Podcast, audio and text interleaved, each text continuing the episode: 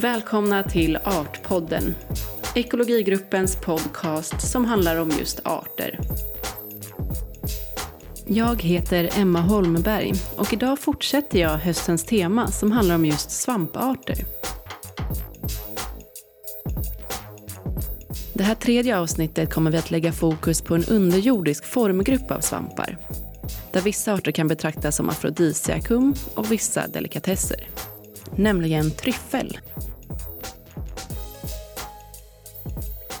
Jag började inspelningen av det här avsnittet en sen oktoberdag på norra Gotland där jag fick följa med Karina Ahlqvist och hennes lagottehund Conti på tryffeljakt.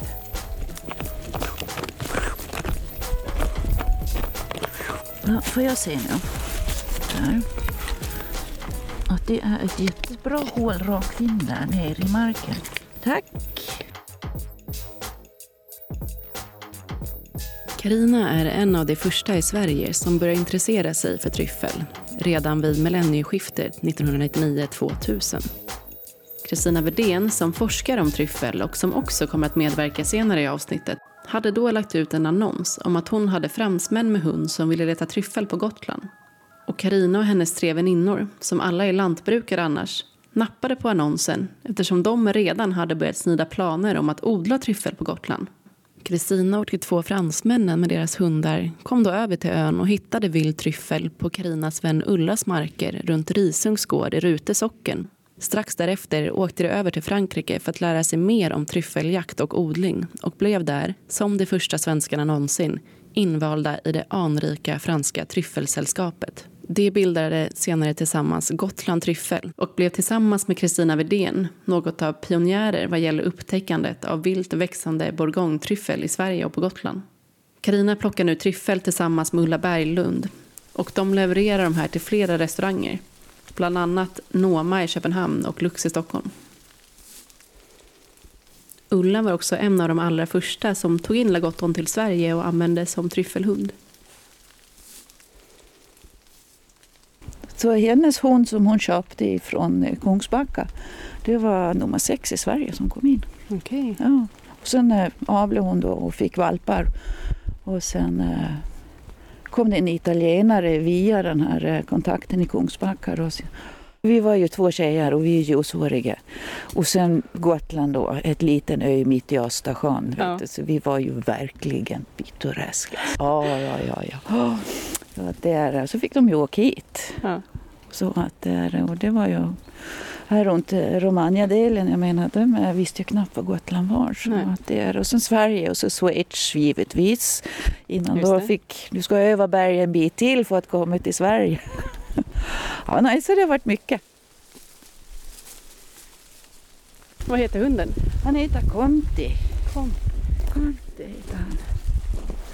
Nu hittar jag något här. Nej. Nej, han bara kollar av lite.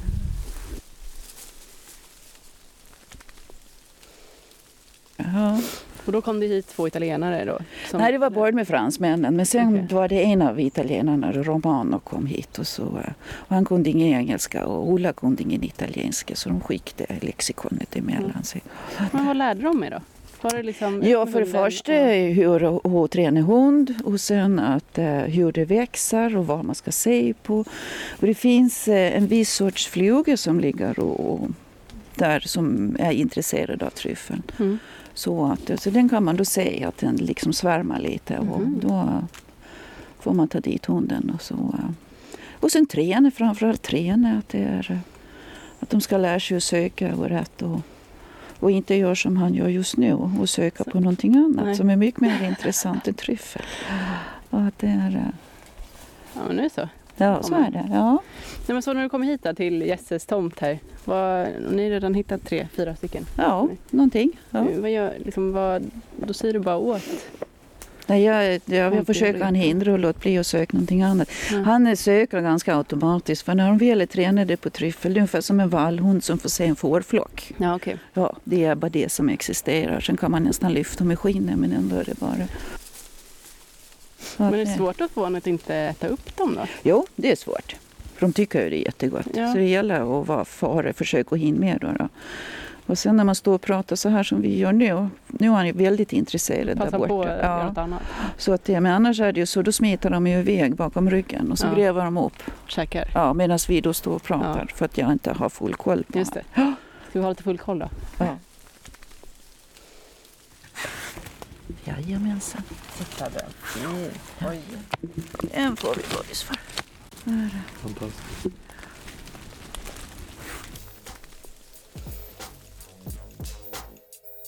Väl tillbaka på fastlandet, hemma från Gotlandsbesöket, bestämde jag mig för att ringa upp Kristina Widén i hoppet om att förstå lite mer om varför just tryffeln växer, luktar och smakar så speciellt.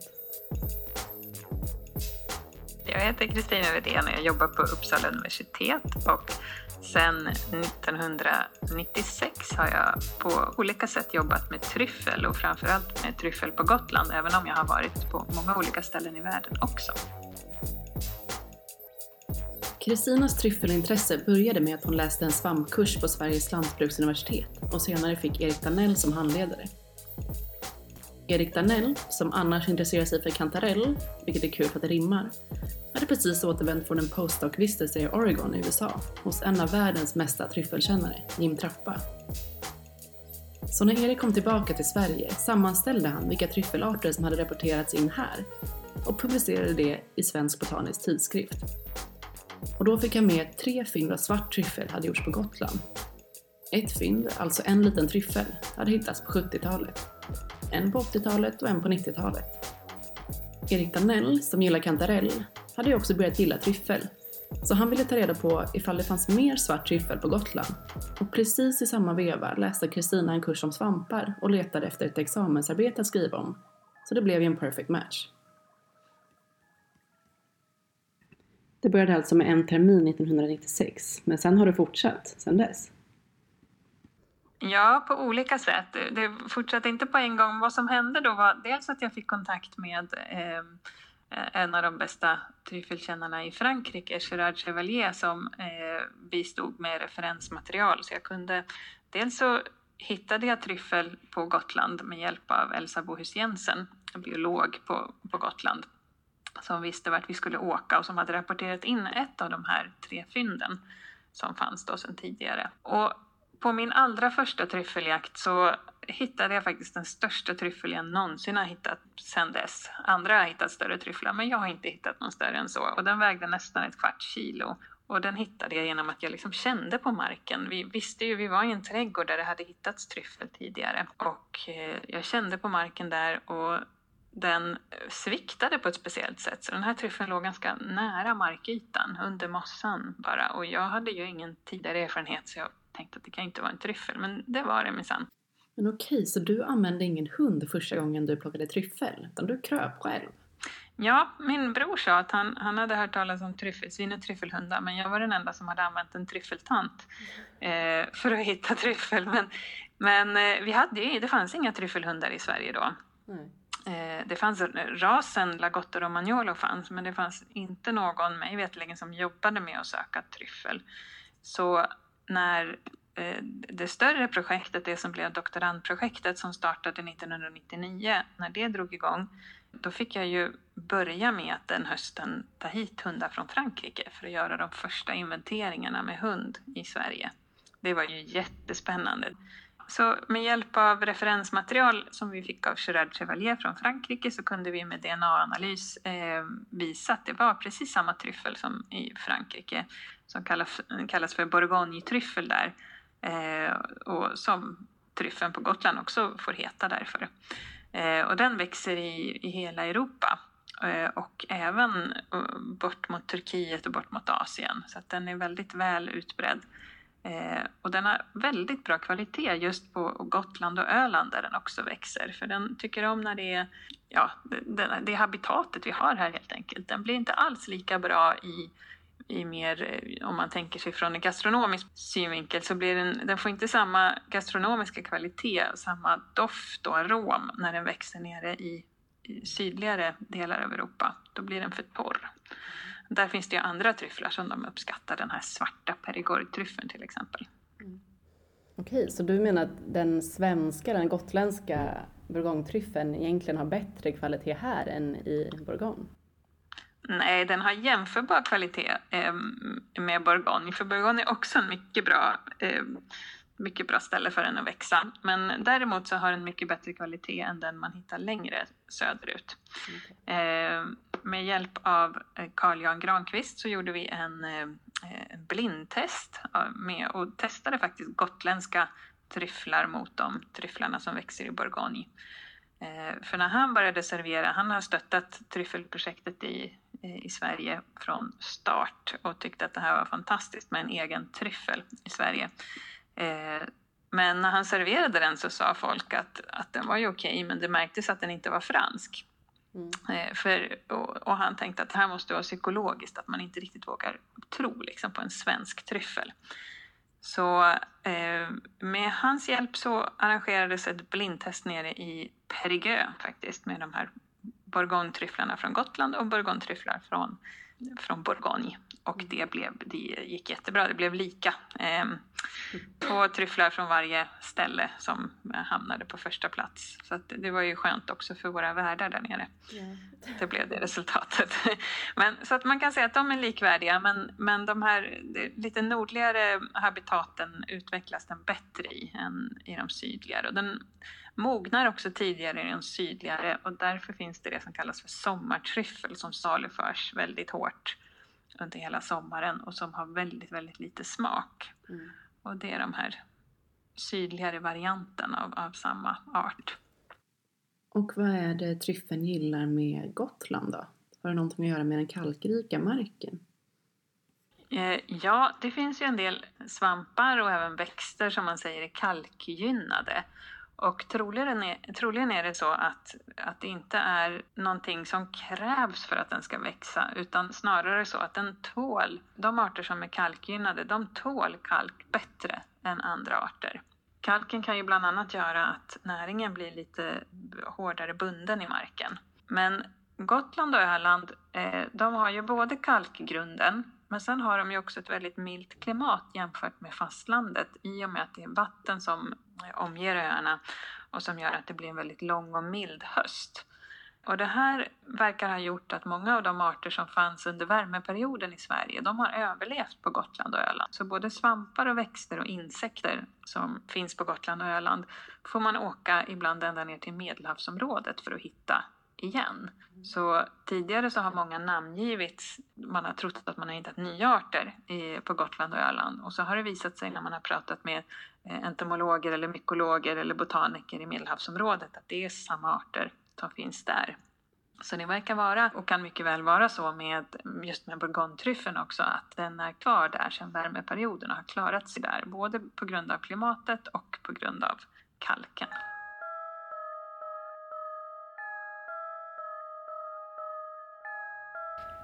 Och hur kommer det sig att tryffeln växer under marken då?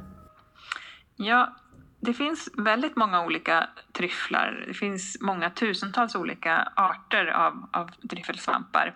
Eh, och de är inte liksom närmast släkt med varandra så att det, det finns liksom en grupp som är tryfflar utan det är, verkar vara en livsform som har uppkommit i ganska många olika svampgrupper. Och man tror att det är en anpassning till bistrare klimat, att det är torrt till exempel. Så att eh, är du under marken och, och fortsätter att vara under marken som svamp så, så riskerar du inte att torka bort eller att bli uppäten i förtid eller något sånt. För det tryffeln är, precis som de ovanjordiska svamparna, det är ju ett sätt att sprida sporerna till, till nya ställen. Mm. Eh, så när vi plockar tryffel eller plockar svamp i skogen, då, då plockar vi ju bara svampens frukter kan vi säga. Vi kallar det för fruktkroppar då när det gäller svamp. Mm. Men det är ju inte själva, själva mycelet finns ju där året runt. Och trots att tryffel har uppkommit i så många olika grupper av, av svampar så växer alla, i princip alla, eh, i symbios med trädrötter. Det som man brukar kalla för mykorrhiza, mm. rotsvamp. Så den finns där året om och nu finns det ju ställen på Gotland där vi har tagit upp tryffel i 20 år och det minskar inte om man gör det på ett bra sätt med hund och det verkar bli mer som en luckring av marken. Däremot om man skulle gå på och gräva med spade och försöka ta upp allt man ser, då skulle det bli liksom en mycket allvarligare störning i marken. Men den här peta upp tryfflar som markeras av en hund, det verkar bara gynna uppkomst av nya tryfflar. Och hur sprider den sig då när den är där under marken?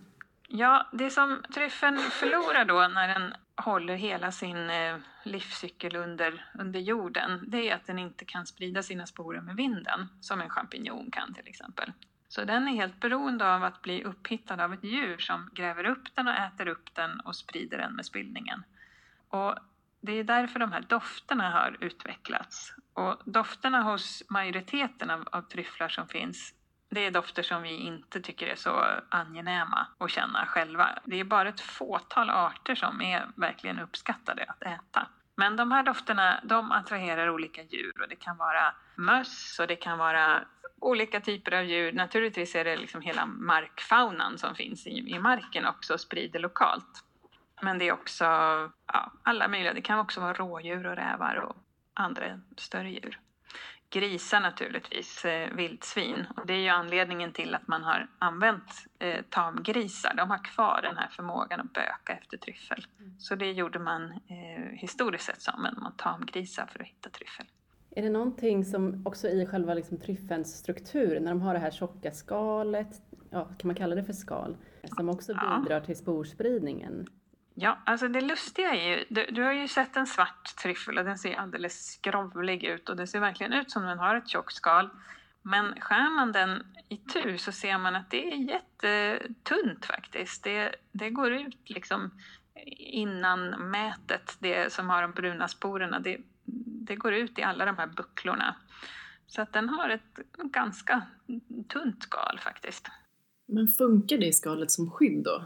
För det är väl ganska ovanligt att svampar sprider sig med hjälp av djur? Alltså hur överlever sporerna att transporteras genom tarmarna och sen bajsas ut? Ja, och då eh, så eh, och, och många andra tryfflar som man kallar för äkta tryfflar, de hör till de här sporsäcksvamparna. Och andra sporsäcksvampar som vi kanske är mer bekanta med, det är till exempel murklor och olika skålsvampar. Och de har sina sporer i små påsar, därav att kallas för sporsäckssvampar. Och de kanske skyddar sporerna eh, en del, men, men sporerna i sig, de är ju mikroskopiska. De är, vad kan de vara, 50-60 mikrometer långa. Så de är pyttesmå, men de klarar ganska mycket de där sporerna. Så även när sporsäcken försvinner så klarar de att passera mag-tarmkanalen på på djur oskadda. Så att tryffeln äts ju upp, den, den tuggas ju sönder och äts upp. Och i tryffeln så är det då massa såna här små sporsäckar eller påsar med, med, med sporer i, det olika antal. Eh, oftast är det runt mm, fyra eller sex sporer i varje sån sporsäck. Men, men de löser upp ganska tidigt, men själva sporerna är otroligt härdiga. Eh, och de gror inte då förrän de får en, en signal från att, att det är en trädrot som, är, som växer i närheten. Då kan trädroten och sporen på något sätt signalera till varandra så att både trädrotens rot växer mot sporen och sporen gror och växer mot roten. Och är det några speciella träd då som den växer tillsammans med? Eh, ja, det är ju framförallt ek och hassel, men även avenbok och lind och en rad andra trädarter kan den också växa med. Den kan växa med både tall och gran, men den växer inte på de ställen där tall och gran oftast tycker om att växa. Så att jag har hittills inte hittat den, just den här bourgognetryffeln då, men andra tryfflar har jag hittat med tall och gran, men inte bourgognetryffel. Utan då är det främst med eh, ek och hassel och avenbok och lind. Men annars då, vad är det som gör just hunden till en så bra tryffeljägare? Ja, men den har en helt fantastisk näsa. Människor är ju bra på att känna vissa dofter som vi har haft väldigt nytta av. Eh, rök och mögel och, och ruttet kött till exempel. Det är ju dofter som vi är väldigt, väldigt känsliga för. Men hunden är så känslig för väldigt, väldigt många fler dofter och har också eh, ett annat sätt att känna dofter, eh, eller i alla fall inte blanda ihop dofter. Den andas in och ut genom olika kanaler och kan sortera på ett annat sätt än vi. Så släpper man ut en hund som är tränad att hitta tryffel till exempel så kan den känna tryffel på, ja, beroende lite på vad det är för vindar och, och luftfuktighet och så, men 50-100 meters håll. Och den känner direkt om det är någon idé att leta tryffel. Och det har jag varit med om många gånger när jag har varit ute hos någon som vill hitta tryffel och, och jag är där med min hund. Och sen så ser jag att det inte ser så lovande ut för, för tryffelförekomst. Men framförallt så märker jag på min hund att hon är helt ointresserad. Mm. Eh, och det här kan vara lite provocerande för en markägare. Så jag har fått kommentaren om att det inte ser ut som att hon ens försöker. Eh, och då har jag liksom ibland fått be henne att försöka. Och då har hon slängt åt mig något äpple eller lök eller någonting hon har hittat istället. Liksom bara för att tala om att hon minsann vet bättre. Så de kan känna några få molekyler bara av, av doften. Och någonting som är väldigt framträdande i många av de här eh, äkta tryfflarna som är de man äter också, det är små svavelmolekyler. Det finns ett som heter dimetylsulfid. Och när man köper tryffelolja då är det oftast någon av de här lättflyktiga svavelmolekylerna som man har syntetiserat och tillsatt i rätt höga halter. Men i tryffeln så eh, förekommer de i lägre halter och tillsammans med en massa andra aromämnen som gör att själva tryffeln har en helt annan fräschare smak än vad tryffelolja har.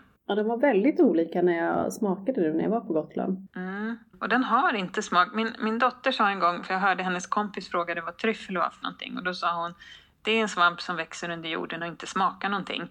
Och först tänkte jag att vad, vad är hon för förrädare här? Eh, men det är faktiskt sant, den smakar inte så mycket och den ska inte smaka så mycket för då skulle den liksom inte funka eh, rent ekologiskt. Eh, om, om, den, om tryffeln innehöll ämnen som höll smaken så skulle den inte kunna släppa ifrån sig den och därmed inte bli upphittad och få sporerna spridda så den har liksom en väldigt, väldigt mild smak. Men däremot har den mycket doft och den är otroligt effektiv på att eh, smitta av sig den här doften till andra råvaror. Så låter du färska ägg med skalet på ligga med färsk tryffel i en eh, lufttät burk i kylen i några dagar eh, så kommer de där äggen vara helt proppade med, med tryffel, tryffelarom. Och kokar du sen de äggen då kommer porerna i äggskalet att stänga sig och, då, och fånga tryffelaromen där inne. Så kan man ha med sig tryffelägg på sin lilla utflykt om man vill. Eller göra en omelett eller något. Men det funkar lika bra med, med smör eller olja eller eh, parmesanost. Det är supergott och man låter den ta smak av tryffel. Och då behöver inte tryffeln vidröra den råvara som ska ta smak. Det räcker bara att de ligger i liksom samma burk och att det inte är så mycket luft. För att det här är ju substanser som vi gärna vill ut i luftfasen. Så lite, så full burk som möjligt. Men man ska inte lägga ner tryffeln i oljan eller något sånt. Dels kan det bildas farliga bakterier då och mögel också. Men den, den, kommer inte producera lika mycket arom då heller utan så länge den, den ligger lite svalt så, så kommer den fortsätta som en liten aromindustri där och, och producera. Så man kan byta till nya ägg efter några dagar och, och få smak på dem också. Mm.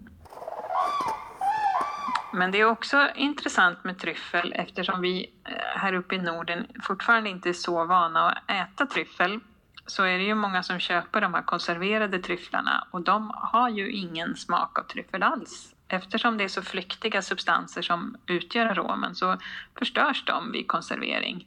Så ibland är det också lite kejsarens nya kläder att man, man serverar någonting för att det ska vara lyxigt och det låter så bra men ja, man får egentligen inte ut så mycket av det. Men, men man kanske intalar sig det för att man har betalat mycket. Och eh, hur många tryffelarter finns det då i Sverige? Jag tror att du nämnde det i början, att det finns ju massa olika, inte bara de ätliga. Mm, mm. Hur, många, hur många pratar vi om då? Ja, när Erik Danell gjorde den här sammanställningen så eh, fick han ihop eh, 65 olika tryffelarter som har hittats i Sverige. Och vill man hitta riktigt många tryffelarter då ska man åka till Australien. Där finns det många tusentals olika arter och det kan man ju förstå också med Australiens klimat som ju är väldigt torrt och kargt. Eh, så det verkar ha utvecklat den här livsformen många gånger så att det är många svampar som har anpassat sig till klimatet där och blivit tryfflar. Men och av de 65 som finns i Sverige så är det bara den här eh, bourgognetryffeln bourgogne som går att äta, eller? Ja, alltså ingen riktig tryffel är direkt giftig, men många kan vara väldigt oaptitliga. Sen är det många som är väldigt sällsynta också, så man kanske inte ska eh, försöka äta dem av den anledningen heller. Men eh, det finns, eh, det finns faktiskt flera ätliga. Det finns ytterligare en svart tryffel som vi hittade för första gången på Gotland i, i eh, början av 2000-talet och den kallas för Bagnoli-tryffel och den är väldigt lik. När man gör DNA-studier så ser man att de är, eh, man kallar det för systerarter, de, det är de två arter som ligger närmast varandra. Bourgogne-tryffel och Bagnoli-tryffel. Men Bagnoli-tryffel har en annan doft och den har, kan ha en väldigt skarp doft. Eh, som man kan bli av med under till, ja, mild tillagning. Medan bourgogne ska man helst inte tillaga utan där ska man låta råvaror ta smak av den eh, och sen tillaga råvarorna men inte själva tryffeln. Men sen finns det också en art på svenska fastlandet som kallas för stjärnhovstryffel. Och här har vi faktiskt lite av en svensk tryffeltradition också. För familjer som bor runt sjön Boven i Sörmland men även i Östergötland. De har under ungefär 150 år hittat och ätit den här stjärnhovstryffeln och den uppträder under sommaren så att då är man liksom ute och går i sina gräsmattor där längs med sjöarna och då växer den ofta ihop med ek eh, och sticker gärna upp lite också så att där har det varit möjligt att hitta den trots att vi inte har den här traditionen av att söka tryffel. Så i alla fall tre ätliga.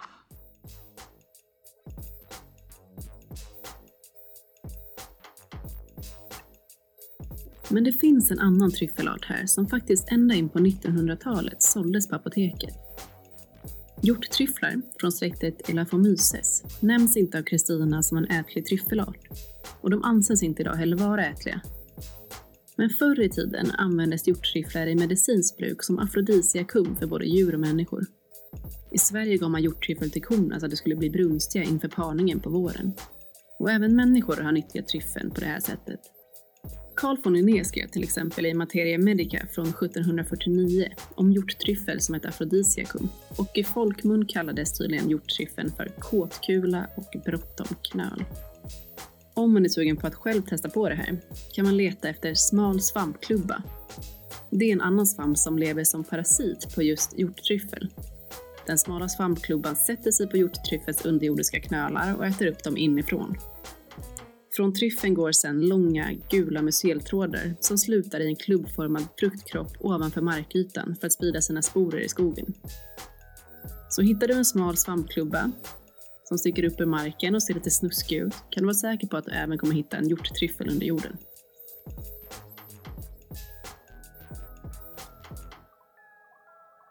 Men okej, redan Aristoteles beskrev ju tryffeln som en frukt vigd till Afrodite. Hur är det egentligen med tryffeln som afrodisiakum? Ligger det något i det? Ja, vi kan ju säga direkt att det finns ingen vetenskaplig studie som har gjorts på detta. Eh, även om många har eh, funderat på det här och, och försökt att testa det på olika sätt. Det kan absolut ligga någonting i det, men, men det är svårt att säga exakt vad som, skulle, vad som skulle vara upphovet till det. Den här doften är ju väldigt påtaglig och den liksom mättar näsan så att man nästan blir lite yr i huvudet. Och sitter man och äter en god tryffelmiddag så mår man ju jättebra. Och det finns ju väldigt många olika substanser i tryffeln, bland annat ett steroidhormon som har identifierats, inte i bourgogne-tryffeln dock, utan i, i den här eh, svarta tryffeln som även är svart inuti, som kallas för perigordtryffel eller tubermelanosporum. Men huruvida det hormonet har någon effekt på människor, det har man inte visat. Så än så länge är det ett mysterium. Men eh, tror man på någonting brukar det funka. Så att det finns inget som hindrar att det skulle vara så. Den är ju otroligt mm. vacker med de här liksom knottriga svarta ytan eller mörkbruna ytan och sen det marmorerade inre. Mm. Nej, men alla tryfflar som tillhör släktet tuber, de har den hacka marmorerade insidan. Men däremot utsidan, du pratar om den här, och det är ju roligt att du säger att du tycker att den är vacker den här svarta knottriga tryffeln och det tycker jag också, jag tycker den är jättevacker. Men det är inte alla som gör det, en del tycker att den är ganska ful och ser ganska grov ut. Men det är jätte, man kan titta i en stereolupp och i förstoring på ytskiktet så ser man att det är väldigt sådär regelbundet och, och fint. Men de ljusa tryfflarna, de man brukar kalla för vita tryfflar, de har ju ett ljust slätt skal Och det verkar vara någonting som kan ändra sig eh, under evolutionen fram och tillbaka. Så att en vit och en svart tryffel kan vara närmare släkt med varandra än två svarta tryfflar. Så att den, den vita tryffeln som man ibland läser om i tidningarna som ger jättehöga priser på såna här välgörenhetsaktioner i Italien när de har hittat en speciellt stor, stort exemplar. Som är de albatryffeln eller? Albatryffeln ja. Mm. Den är faktiskt närmare släkt med bourgogne-tryffeln som växer på Gotland än vad bourgogne-tryffeln är släkt med Perigord-tryffeln, den här svarta tryffeln som är svart inuti också, som växer i Medelhavsområdet. Mm. Så eh, vita och svarta tryfflar, de tillhör samma släkte och kan vara närmare släkt med varandra än två olika svarta. Så det, och varför den har just den här knottriga, lite diamantfacetterade nästan upphöjningarna, den svarta tryffeln, det vet man inte. Det är svårt att säga vad, vad det skulle ha för fördel jämfört mot den här släta ytan. Mystiskt. Ja, det är mycket som är mystiskt och det roliga med tryffel är ju att all den här mystiken kring tryffel, att ju mer man lär sig om det, desto mer spännande blir det. Så att det är ett jätteroligt ämne att forska om och även hur de här substanserna som tryffeln producerar för att locka till sig sporspridare, eh, hur den påverkar både insekter och, och djur och hur till och med vissa insekter är specialiserade på att hitta tryffel för att kunna lägga ägg bredvid tryffeln som kan, så att larverna kan ha god mat sen när de kläcks. Har du något exempel på en sån? Mm. Vi gjorde en liten studie för några år sedan, jag och Ingemar Struve som är entomolog. Och då hade vi gillrat insektsfällor med dels med färsk tryffel och dels med den här substansen som jag tror att jag har nämnt tidigare som heter dimetylsulfid. Och då såg vi att en speciell sorts fluga tyr sig till tryffeln. Så att vi hittade bara de, den typen av flugor i våra fällor.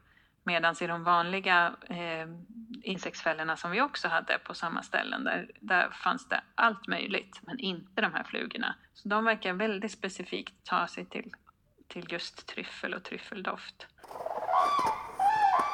Men vad, vad tycker du själv är det mest fascinerande då med tryffel? Eh, ja, men jag tycker nog att det mest fascinerande är växtplatserna. När man har gjort analyser på, på de här hasselbuskarna som växer på, på många av de här växtplatserna på Gotland så ser man att de är uppåt 2000 år gamla. Alltså rotsystemen är uppåt 2000 år gamla. Och det här är ju växtplatser som människan har påverkat under väldigt lång tid. På Gotland så pratar man om ängen. Det är alltså lövängar som man brukade på ett, enligt ett speciellt sätt och fortfarande gör än idag. Men de är väldigt hotade. Så att eh, jag ser ju också att tryffeln kan vara ett sätt att bevara de här lövängarna, att man kan få ett förnyat intresse för dem. Det finns ett stort intresse på på Gotland och, och, även på Öland för att bevara de här. Men många som håller på med det är äldre. Så det behövs ett förnyat intresse underifrån i de yngre generationerna också. Och det är ju jättekul då med tryffeln som kan eh, kanske tända en liten gnista och få upp ett större intresse för det här. Varje år så är det en tryffelfestival på Gotland sen några år tillbaka. Det började 2011 och så utvecklades det till en hel helg med en hel festival från 2014. Och då har man en liten tryffelmarknad bland annat och då är det jättekul att stå där och tjuvlyssna lite på folk. Och då kan man höra liksom, tonåringar som pratar om att deras farfar har ett änge med tryffel och sådär med viss stolthet i rösten och det är jättekul att höra. Så det börjar verkligen bli någonting som många har tagit till sig och är stolta över och det mm. känns jätteroligt. Den festivalen är väl i november? Jajamän, 15 till 17 november. Det är alltid helgen mitt i november. Mm. Är grisen helt utkonkurrerad förresten vad gäller lukt? Medhjälpare i tryffeljakten? Det är inget fel på grisens doftsinne, men däremot så letar ju grisen för att hitta tryffel att äta. Eh, så det är liksom mer konkurrens med en gris och de kan ju bli rätt stora. Mm. En, en fullvuxen gris kan ju väga bortåt 200 kilo. Så eh, i och med att vi idag kanske ofta behöver åka till våra tryffelställen eh, så är det lite lättare att transportera hundar och hundar kan ju också läras upp att hitta tryffel och få en belöning för det som inte kanske är lika dyr. Eh, så ja, kommersiellt så är eh, grisen helt klart utkonkurrerad. Men går man på en marknad i Frankrike så kan man få sitta på eh, ja, kan de ha tryffelsvinet Rosamunda där i någon kätte som de visar upp. Så det, är liksom, det är ett kulturarv mer än mm. någonting som används i, ja, i större utsträckning. Rosamunda. Nu regnar det.